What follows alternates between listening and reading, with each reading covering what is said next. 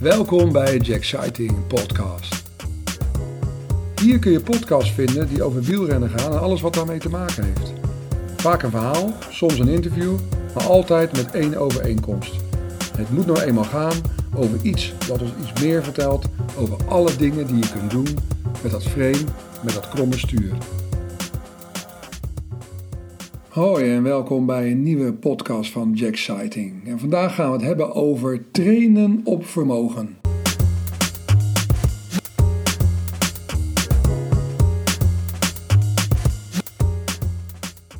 Sinds uh, anderhalf jaar doe ik mijn trainingsritjes met een wattagekrenk. Waarom, welke en hoe ik dat doe, daar gaan we het nu over hebben. Ongeveer een half jaar geleden ben ik zelf begonnen met het trainen op vermogen dus. En uh, dat kwam omdat ik door omstandigheden eigenlijk een jaar lang weinig tot geen kilometers had gemaakt. En ik bedacht mezelf hoe ik weer op een niveau kon komen. En ik trainde altijd op hartslag. En ik dacht van ja, ik heb een, eigenlijk een nieuwe stimulans nodig. Omdat ik met die hartslagtraining toch heel vaak in een soort comfortzone bleef zitten. En uh, mezelf niet genoeg uh, durfde uit te dagen. Omdat ik bang was dat mijn hartslag gewoon heel, heel hoog zou worden. En toen ben ik met trainen op wattage begonnen een hele specifieke training. En uh, het heeft ook heel veel voordelen ten opzichte van het trainen op hartslag. Het is een heel direct meetsysteem. Je krijgt gelijk terug wat je op dat moment trapt, terwijl hartslag heel vaak uh, een beetje erachteraan hobbelt. En het sluit een aantal factoren uit, zoals vermoeidheid en weersomstandigheden, zoals bijvoorbeeld als het heel warm is of als er heel veel wind staat. Sterker nog, ik hoop nu heel vaak op, uh, op heel veel wind, want dan zit ik lekker snel op mijn vermogen. Uh, overigens draag ik nog steeds wel een, een hartslagband, want uh, ook die waarden zijn natuurlijk heel nuttig om te blijven volgen in combinatie met je wattages die je trapt.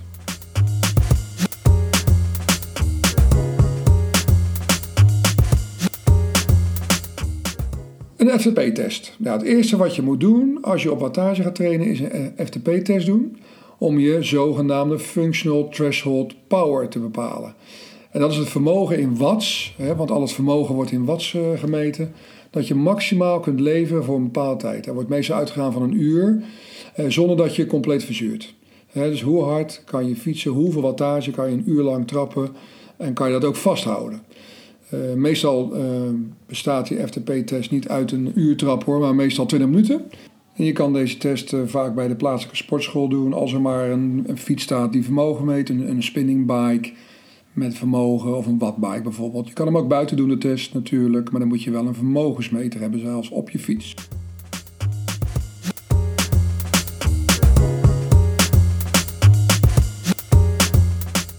Nu je FTP weet, kun je de zones gaan bepalen waarin je gaat trainen. Dit gaat aan de hand van percentages van je FTP en vaak rekent een Element of Garmin dit al voor je uit als je je FTP invoert. Net zoals bijvoorbeeld met hartslag heb je ook een aantal zones waar je in kan trainen. Bij het trainen op vermogen zijn dat er eh, zeven. Ik zal ze allemaal even met je doornemen. Op mijn site jackciting.com staat uitgebreid uh, beschreven welke, wat de zones allemaal inhouden. Ik neem ze even kort met jullie door. Zone 1, dat is actief herstel. 55% van je FTP, dus eigenlijk heel rustig ronddraaien zonder kracht. Echt een hersteltraining. Zone 2, dat is een duurtraining tot 75% van je FTP. In dit tempo, zeg ik al, maar kan je heel dag fietsen. Zone 3 is een tempotraining waarbij het praten al wat lastiger wordt. Dan ga je al richting de 90% van je FTP. Zone 4, dan train je echt in die FTP-zone. Eh, dat noemen ze ook wel een sweet spot training. Eh, praten wordt wel heel erg lastig. Vaak ook met intervallen met blokjes 10 tot 30 minuten. En zone 5, dat is een VO2 max uh, training, tot 120% van je FTP's. Vaak korte intervals. Uh, deze dienen om je VO2 max te vergroten. Dit zijn vaak korte trainingen van maximaal 40 minuten.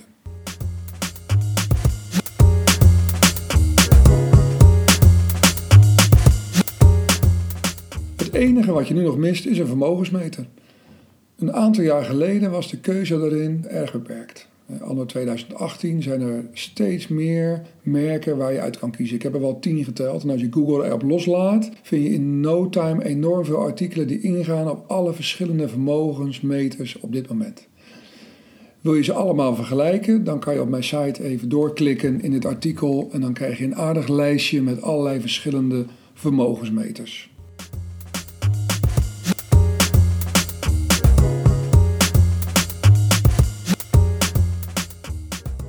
Ben zelf gegaan voor een vermogenskrenk. En omdat ik twee racefietsen heb, ik er maar zelf gelijk twee aangeschaft. En waarom nou een krenk? Simpelweg omdat deze zeer betaalbaar zijn, rond de 400 euro. En ze geven ook een zeer betrouwbaar wattage. De 4i Precision Crank die ik bijvoorbeeld heb op mijn zomerfiets wordt gebruikt door Bora, Sagan en Quickstep, nu nog Terpstra. De crank die ik op mijn winterfiets heb is van Stages en deze wordt dan weer gebruikt door onder andere Sky, waar Froome onder andere bij rijdt. Beide zijn ze te verbinden met zowel N Plus als Bluetooth. Ze zijn verwaarloosbaar licht, rond de 20 gram ongeveer extra. En ze hebben een zeer lange batterijduur. Het enige verschil tussen deze twee cranks is dat de 4i Precision Crank op dit moment ongeveer 150 tot 200 euro goedkoper is.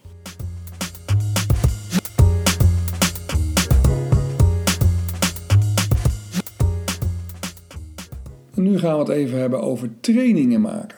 Want je weet nu je FTP met je zones, je hebt een vermogensmeter op je fiets, dan is de volgende stap een trainingsplan met individuele trainingen te maken. Belangrijk hierbij is wat je doel is, bijvoorbeeld uithoudingsvermogen, beter sprinten of juist beter klimmen.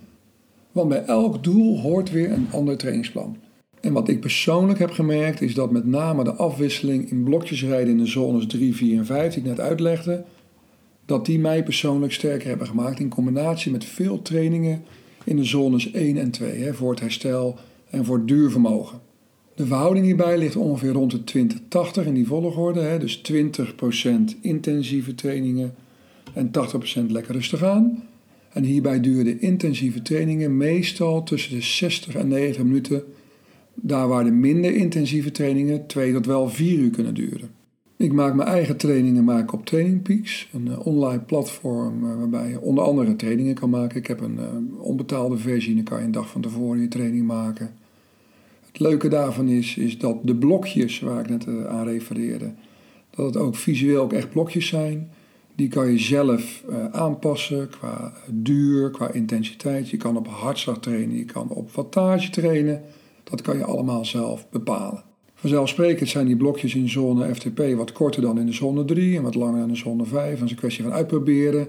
Mijn tip is, kijk in het begin niet te veel naar je hartslag, maar focus je op de tot doel gestelde wattage per blokje. Dat rijdt veel makkelijker. Overigens worden de trainingen vanuit Trainingspeak automatisch gesynchroniseerd naar je Element Bolt. Die heb ik zelf, dat is echt een aanrader wat dat betreft. Wat betreft de Garmin weet ik niet of die automatisch gaat, maar je kan de trainingen wel vanuit uh, Training Peaks importeren via de computer op je Garmin.